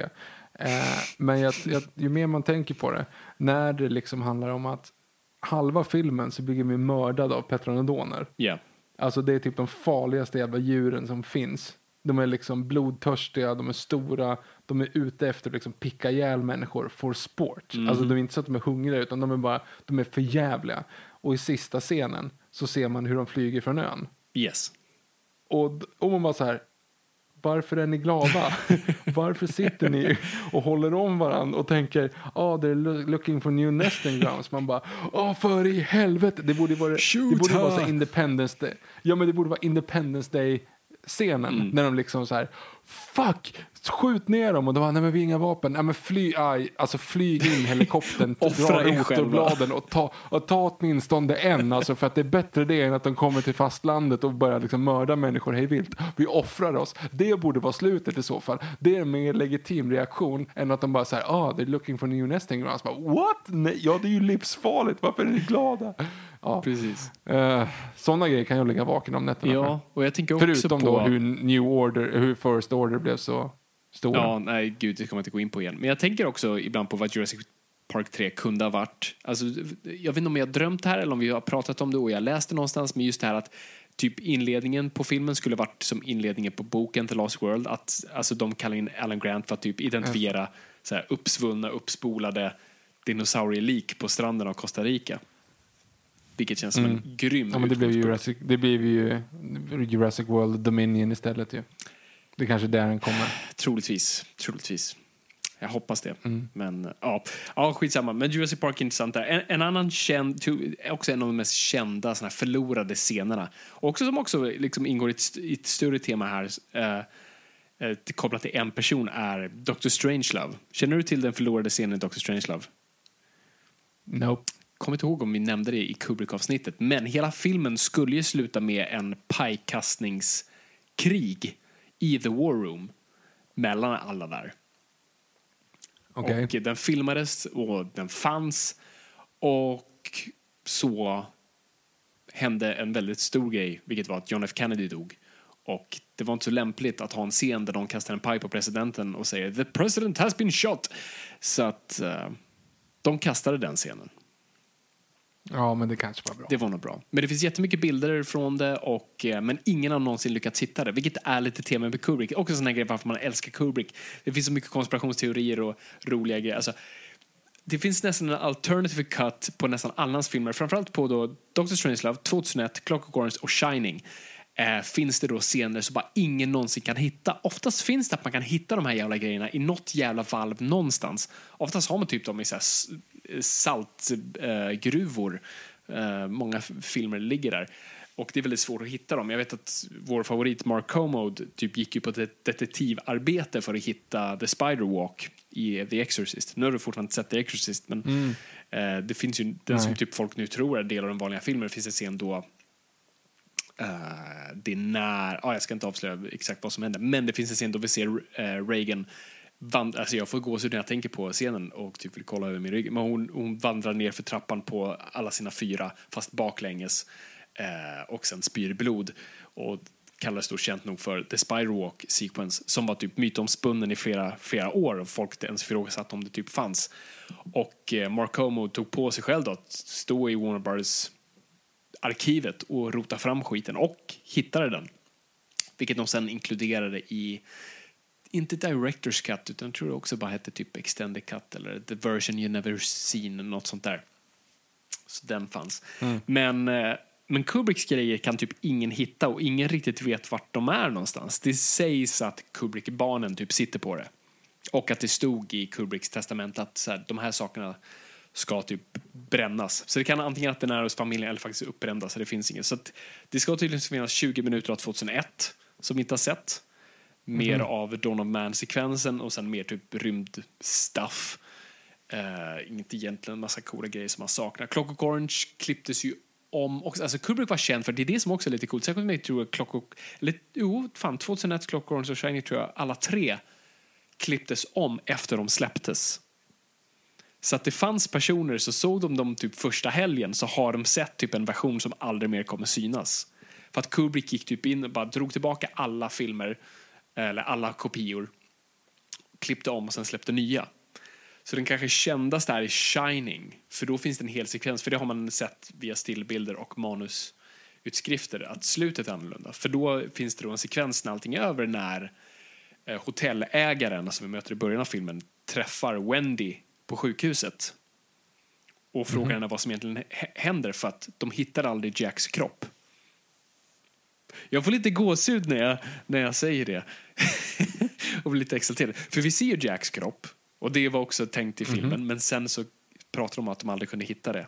Och det leder oss då till fotot i slutet.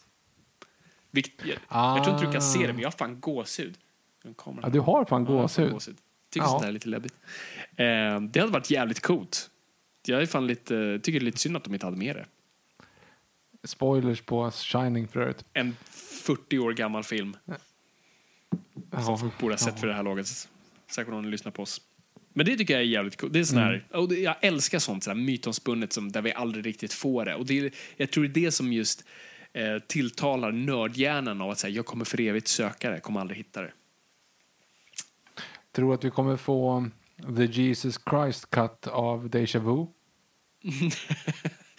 Eh, det är mycket möjligt. Jag vet inte. Det, nu har, jag äger inte den på DVD eller Blu-ray så jag vet inte om det är någonting de någonsin inkluderade någonstans. Nej, jag, tror, jag vet inte heller. Eh, vem, vem vet? Eh, en annan väldigt känd är Wizard of Oz som har jättemycket, också typ 20 minuter bortklippt. Massa olika sekvenser och det är därför den har så mycket klafffel. Det, den har väldigt mycket fel om man väl tittar på den. Men det, det är inte egentligen saker som, som, som folk sörjer. En annan cool alternative cut där man typ nästan skulle kunna klippa ihop en hel annan cut med de, det fotade material man har är Back to the Future. Ja, Eric det. Stoltz Eric versionen. Stoltz istället. Det är Eric Stoltz cut. Mm. Som typ, jag tror de filmade nästan jag tror alla nutidssekvenser, och nu i och för sig några, det fin- för det finns några klipp kvar, alltså till exempel när han möter Biff i... Han sitter i cafeterian. Ja, exakt. Då är typ alla Mm. ryggbilder Erik Stoltz. Så de fotade typ Mm. så här, nästan 50 procent tror jag av den. You know. Storyn bakom det är att de hade, de, de hade Erik Stoltz eh, som var mer känd som en karaktärsskådis, men väl under filmningen så visade det sig att han var väldigt okarismatisk och Zemeckis var inte alls nöjd med resultatet han fick. Han hade ingen liksom, bra komisk timing sägs det och nej, det var bara väldigt awkward. Och det delades av flera på pro- produktionen. Så, och det blev någon så här schema, schemagrej då de kunde få loss eh, blablabla, inte Jamie Foxx utan Michael, J. Fox. eh, som då var på en tv-serie. Eh, så de kunde få loss honom och så bara Sorry Erik Stoltz. See ya. På nätterna. För övrigt. Vad sa du? Det var det som var grejen. Han, han filmade ju Back to the Future på helger och kvällar. Eller kvällar och helger. Michael J. Fox Eh, ja. Och körde fortfarande tv Ja, och körde fortfarande tv-serien på dagarna. Det är work ethic om något. ja, det här. Eh, på tal om work ethic, bara för att jag genuint vill veta det här Viktor. Har du kollat på Last Dance-dokumentären? Mag- Nej, det har jag inte gjort. Kolla den på Netflix. Du kommer älska det. Är det så? Ja, den är skitbra. Alltså, jag är, jag är, jag är mitt uppe mellan Casa de Papel och Beck för Ja, tillfället. just det, det är inte så mycket tid. Ja, ja. Men när, när, när allt det är över, när vi har gjort vårt Beck-avsnitt för att gå över till Last Dance. Alltså jag som har, alltså ni vet ni som lyssnar på den här podden, jag gillar sport och jag, nej. Men, eh, och basket, ännu mer, nej. Men den här serien är, ja. Ja, kul. Men då ska du se Sunderland till I die också. Jag gillar den som heter den? fasiken. Sunderland till I die. När de följer eh, fotbollslaget Sunderland. När de ramlar ur Premier League och åker ner i Men Championship. det, för det är det jag tänkte att jag de- behöver. För att jag började, nu när jag kollar på den här, så bara, fan vad intressant det här är. Nu vill jag också passa på att kolla Formel 1 dokumentärserien på Netflix. Aha. Och fick också en så här Mm. upp ögonen för det och så här, ah, det är så här den här världen ser ut, det är så här de spelar är. Och det är lite det som är mitt argument till varför, fo- varför fotboll inte funkar för mig och jag tror säkert många andra är för att det är en sån stängd värld där jag inte vet var jag ska börja någonstans. Och framförallt, jag tror, alltså vägen till folks hjärtan är narrativ.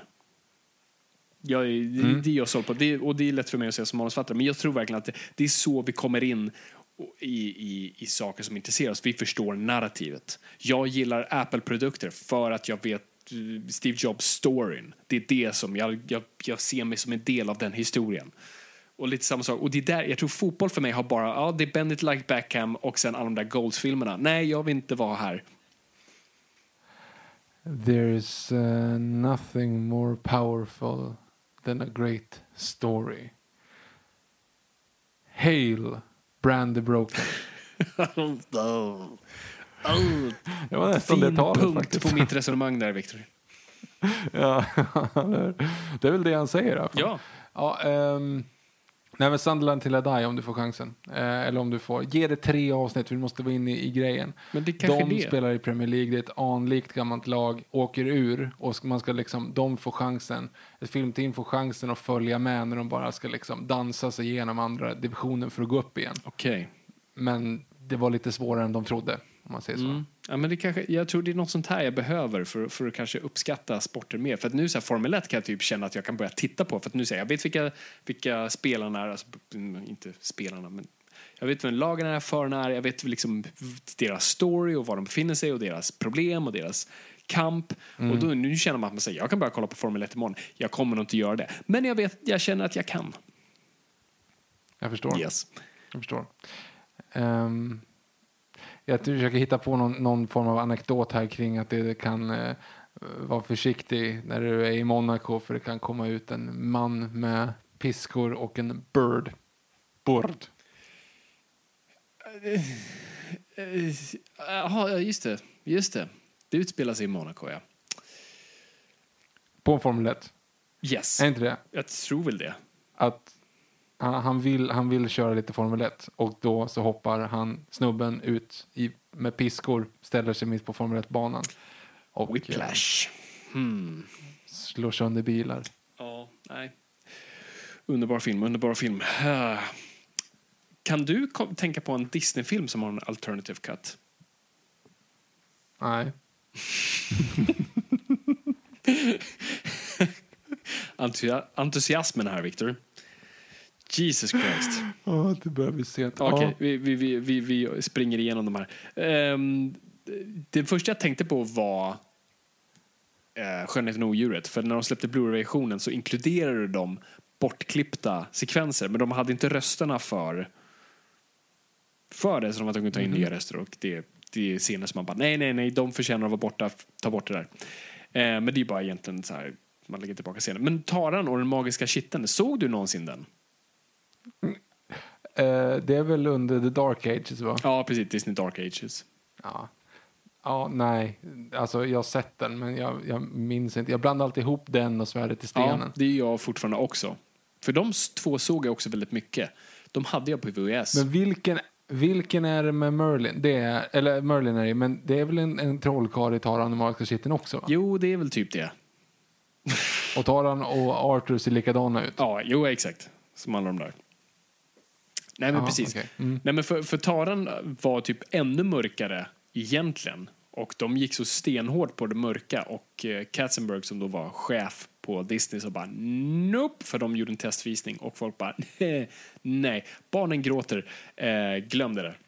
Och de gjorde en helt alternativ. Och det finns fortfarande lite så stillbilder och sånt där. Men det är också en sån här version. För Disney-valvet är också sån här, du kommer aldrig in där. För där har du det nedfrusna huvudet av Disney. Du har några mördade Disneyprinsessor och eh, några turister som drunknar i Pirates of the Caribbean. Och eh, tar den magiska kitteln, alternative cut.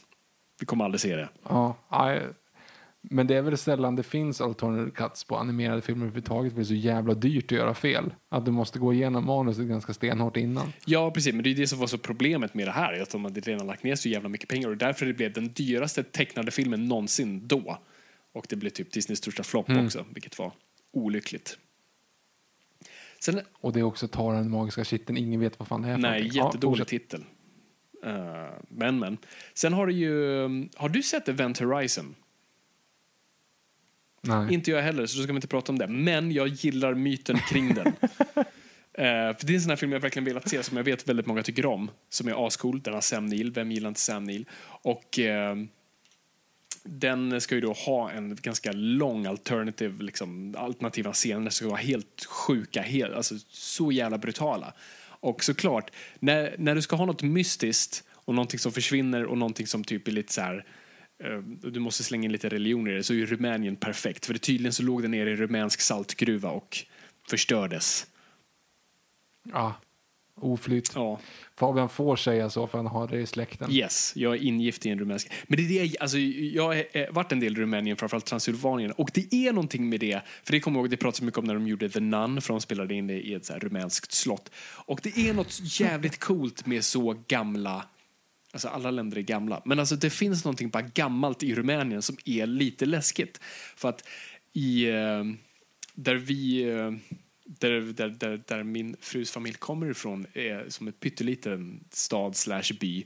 Och familjens hus ligger på kanten av skogen. Och den skogen är så här, det är en mur bara av grönt trä. Alltså det ser så jävla läbbigt ut. Och jag testade att gå in där och man direkt bara, alltså det är som att gå in bakom ett skynke. Så här, inget ljus kommer in dit. Och det är något otroligt läbbigt med bara med stämningen som finns där, som är också otroligt vacker. Men jag kommer ihåg också, vi åkte till eh, eh, Draculas hemby, inte den kända där det här slottet finns, utan där han påstås ha fötts.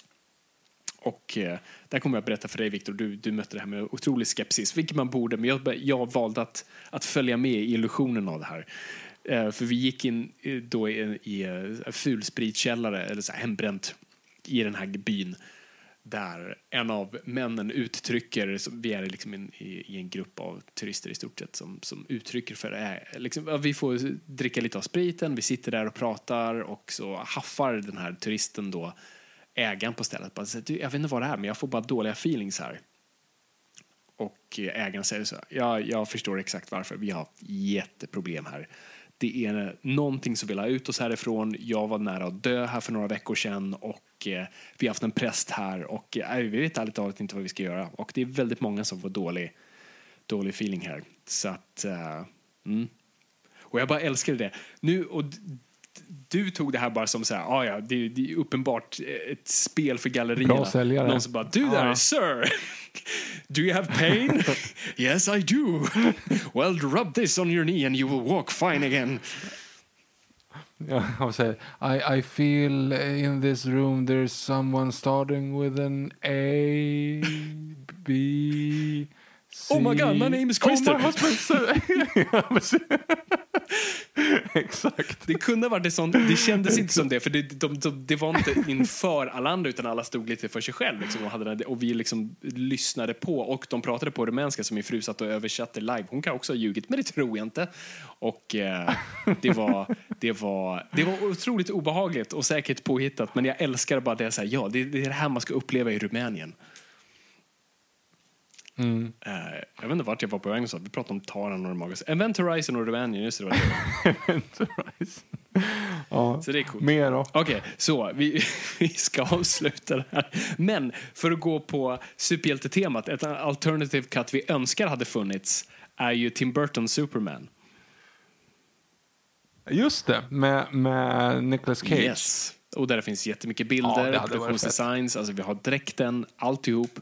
Och de väljer bara att inte gå börja filma det. Och det gjordes en, en, eh, en dokumentär av John Schnepp som, som tragiskt dog här för ett par år sedan som gjorde en eh, dokumentärfilm om den filmen med Tim Burton. Alla är typ med på den. Och jag har fortfarande inte sett den men jag, jag ska fan ta och göra det för, det, det är himla, för nu kan alla ha lite distans till det och bara prata helt öppet om det. Ja, men det, hans, det såg ju ganska bra ut. Han var ju, hade lite väl långt hår, men jag menar det... Ja, hans Superman såg inte så bra ut, men hans Clark Kent såg jävligt bra ut. Det såg verkligen ut som så här, okej, den- ingen skulle misstänka att den där snubben är Superman. Han har typ Musse Pigg-tröja och bara ser ut så riktigt jävla awkward ut. Men ja, det är Nicolas Cage, what to do. Och um, Han ska vara Tiger King nu. ja, de, de säger det. Jag hade väl hoppats mer på Matthew McConaughey eller någonting. Han är ju inte så lik eh, Joe Exotic, men jag förstår känslan de går på. Men vänta lite här nu. Tycker du att Matthew McConaughey och Joe Exotic är lika varandra? Jag, jag känner bara att det finns någonting där. Som det finns en bara större connection. Jag vet inte varför. Det kanske är, jag tror rösterna har någonting där kanske. Okej, ja, ja, det är bra. Jag, jag, gissar på att det finns ganska många där ute i olika, diverse community som inte håller med om att just de två är, lika varandra. Men eh, let's go for this. yes. Um, och sen en till superhjälte version som vi, vi inte fick se var George Millers Justice League. Just det. Där jag är... Just Jag kan inte prata idag. För att det är sent. Um, Dålig tema då övertygad. i så fall. Just poddar. övertygad Ja, om övertygad. att det finns ju uppenbart kostymtester där ute med Army Hammer Ja, som. Batman och hela casten i sina respektive. Vi har sett, det enda tror jag som har släppts är läckta alltså, designs bara på Wonder Woman och eh, några av hjältarna. Men vi har inte sett några bilder. Så det hoppas jag att sånt där som kommer släppas med, med åren. Men eh, det hade varit coolt att se en sån version. Gia. Yeah. Det var de jag hade. Du ska få gå och lägga dig, Viktor. Jag har ju en ettåring som är vecka om fyra timmar så att det känns, det känns som att det börjar bli dags. Ja, nej men eh, det, alltså, för att summera. Jag trodde aldrig att jag skulle uppleva den dagen när vi faktiskt kunde påverka. Nu säger jag vi fast det faktiskt var Du du, som inte upp signade det på en lista. egentligen. Nej, jag skriver inte upp Vilka det på listor har du skrivit Nej, upp det det på? jag menar. Eh, Save Japan Dolphins vet jag, Sjukt. efter att ha sett The Cove. Ja. Eh, det är väl typ den. Ehm, men, men eh, det är ändå fräckt att det blev av, måste jag säga. Ascoolt. Ja, men jag är superglad. Jag älskar när såna här vad kallar man det? Black Swan events sker. Där, eh, nej men det är bara en rörelse, ger resultat och det är bara all, all, the stars align. Och det blir liksom perfekt. Jag tror inte det hade hänt i en alternativ situation. Alltså allting behöver liksom komma i, i fas. Och, och jag tror tyvärr corona spelar en, säkert en roll i det här. Eh, och mycket annat. Så det är bara helt plötsligt så bara slår blixten ner precis där man tror. Och eh, det ska bli jättekul att se. Och vi kommer ju säkert att prata, eller vi kommer, alltså vi, vi, vi lovar det här nu. Om ett år kommer vi ha sett The Snyder Cut och vi kommer såklart vara het på potatisen och prata om det här. Det här är väl bara en anledning, när du säger det här så är det väl egentligen bara en anledning för dig att kunna argumentera för att du måste skaffa HBO Max va? Ja, absolut. Alltså, det är inte som att jag... Jag hade ju definitivt... Jag tror jag hade gjort det. Alltså, jag har ju HBO Nordic, så jag vet inte riktigt hur, hur det kommer funka. Jag tror de kommer behöva göra någon övergång där. Eh, jag gillar HBO, jag är ett stort fan av Warner Brothers och jag tror med... Det jag hoppas med HBO Max är att vi kommer få lite klassiska filmer. Att de kommer ladda hela sitt Warner Brothers arkiv. De kommer ju ha Looney Tunes, vilket jag är otroligt glad över. Ah, det är Så, det, vilket jag i och för sig tror att HBO Nordic redan har mycket av gamla Lo- Looney Tunes, men jag tror det kommer väl vara lite mer utspritt. Eh, Space Jam vill jag ju jättegärna se om nu i och med Jordan-dokumentären. Och eh, ja, nej, men så, så jag hade nog skaffat HBO Max hur, hur som helst. Jag är nog en av de få som, som, som gillar sånt. Jag har alltid varit ett fan av Warner Brothers. Men eh, nu definitivt, helt klart, såld.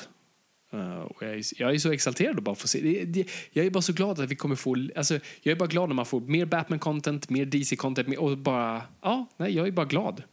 Så jag kommer bli jättebesviken vad- och ledsen, men jag är bara glad. Men hur kommer det följa upp då? Vilken är canon? Eh, I kanon, i, i, i vad då menar du? Kommer de, kommer de kunna använda liksom Snyder Cut? Tänk om de drar en referens till någonting som är som, som är i Snyder Cut liksom, i framtiden. Kommer de kunna göra det? Eller är det, Ja, det liksom, är det här är problemet det theatrical? blir. För den här Snyder Cut kommer ju sätta upp en filmserie som aldrig blev av. Alltså de, de sätter, upp liksom Apocalypse, uh, Darkside och allt det där. Och vi kommer aldrig få se det. Troligtvis. Om inte Warner Bros. Det är det som också kommer vara lite svårt här. Här kommer ju inte pengar riktigt diktera. Visst, de kommer få se så många views och allt det där. Men, men det kommer ju inte finnas en box office och bara okej, folk är hungriga. Nu, vi, vi, fuck you Patterson. det här blir det nya som vi lägger på hyllan och eh, vi fortsätter med Batfleck. Um, det kommer ju inte ske. Eh, så att, men vi får se. Eller så kommer de bara, har de, har de planer i med Flash-filmen och tänker nej, nej, vi kommer ha två parallella universum. Och, men det, det är ju dålig business. Alltså. Du kan ju inte ha två separata Batmans samtidigt. Nej, det går inte. Jag vet inte. Jag, jag tänker högt här. Och jag, jag känner inte att jag kommer någon vart. Ni, ni i framtiden. Vet. Hej framtiden. Jaha, förlåt. Ja, ni, ni vet. Ni vet. Så hej framtiden. Yes. Fräckt att det blev som det blev. Eller hur? Kul att det blev som det blev, och att det inte blev som det borde. Så det, här, det här kommer ju bli kul. Precis som vi tittade tillbaka på efter vi hade recenserat Batman vs Superman och bara kom ihåg våra drömmar och blinda oskuldsfulla ögon som spekulerade vilt och sen fick dessa drömmar krossade. Undrar om det kommer vara lite samma. Jag tror vi är lite mer restriktiva med vår entusiasm just nu. Men Exakt, så länge vi inte satt i den recensionen och skrattade över Steven Soderberghs Contagion och tyckte att den var overklig så ja, true. All right. Är, vi, är, är vi nöjda? Jag tror vi är det. Jag är, jag är jättenöjd. Jag tror det. Hör av er till oss. Vi finns på @noipod på Instagram. Eh, oftast där i alla fall. Vi finns väl på Twitter också tror jag. Men jag kollar inte ens av Jag, den jag kollar av du hashtag Noipod där. Jag, jag ser er. Men på hör av er till oss och framförallt så vill vi att vi ska nu starta eh, rörelsen Release the Fabian Cut. Så spamma eh, vilket produktionsbolag det nu var som gjorde Hippopora Sandro och sen så jobbar vi Metronom. på det här. Skit. I alla fall de som distribuerade. Jag vet inte fan vilken produktion. Jag tror fan det var Sonet Film eller någonting. Någon av de där gamla. Mm. Ja, det, det, vi kan podda utan Google, men ni kan ju googla medan ni lyssnar. Så att, eh, go! Yes. Ja, men eh, vi bommar igen där. Vi kommer att vara tillbaka snart med fortsättningen på vår, eh, vårt bäckmaraton. Och eh, jag hoppas att någon av er hakar på. Eh, Jag har fått lite hurrarop faktiskt. Jag har folk som tittar tillsammans jo, men jag med. Och, och framförallt folk som hör av sig och säger så här, jag har typ sett två Beck-filmer men jag tycker fortfarande det är jättekul att höra. Så att, eh, det, det är eloge till banka oss på ryggen där. Eh, Mm. det, det är ju bra. Så att vi, vi underhåller på hög nivå helt enkelt. Så lyssna om ni inte redan har gjort det på? Beck-avsnittet. Det, det är kul, det är tillgängligt och shit, vi går djupt. Och jag förklarar framförallt typ en av de bästa svenska filmerna som har gjorts. Ja, just det. Det gör du. Så lyssna på det. Om inte annat, ja det är det som finns. Så att, eh, men vi återkommer. Noipod will snart igen. return. Men nu bommar vi igen det här. Tack så jättemycket för att ni har lyssnat. Det är kul att vara lyssnad, men kom ihåg åt folk, ingenting är för nördigt.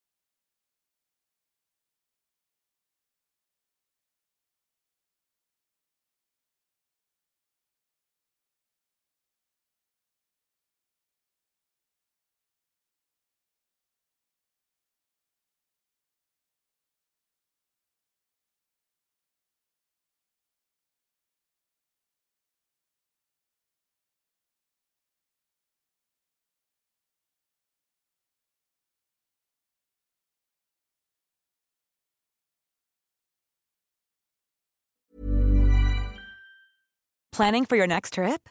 Elevate your travel style with Quince. Quince has all the jet setting essentials you'll want for your next getaway, like European linen, premium luggage options, buttery soft Italian leather bags, and so much more. And is all priced at 50 to 80% less than similar brands. Plus, Quince only works with factories that use safe and ethical manufacturing practices. Pack your bags with high-quality essentials you'll be wearing for vacations to come with Quince. Go to quince.com/pack for free shipping and 365-day returns. Imagine the softest sheets you've ever felt. Now imagine them getting even softer over time. That's what you'll feel with Bowl and Branch's organic cotton sheets. In a recent customer survey, 96% replied that Bowl and Branch sheets get softer with every wash. Start getting your best night's sleep in these sheets that get softer and softer for years to come. Try their sheets with a 30-night guarantee. Plus, get 15% off your first order at bowlandbranch.com. Code BUTTERY. Exclusions apply. See site for details.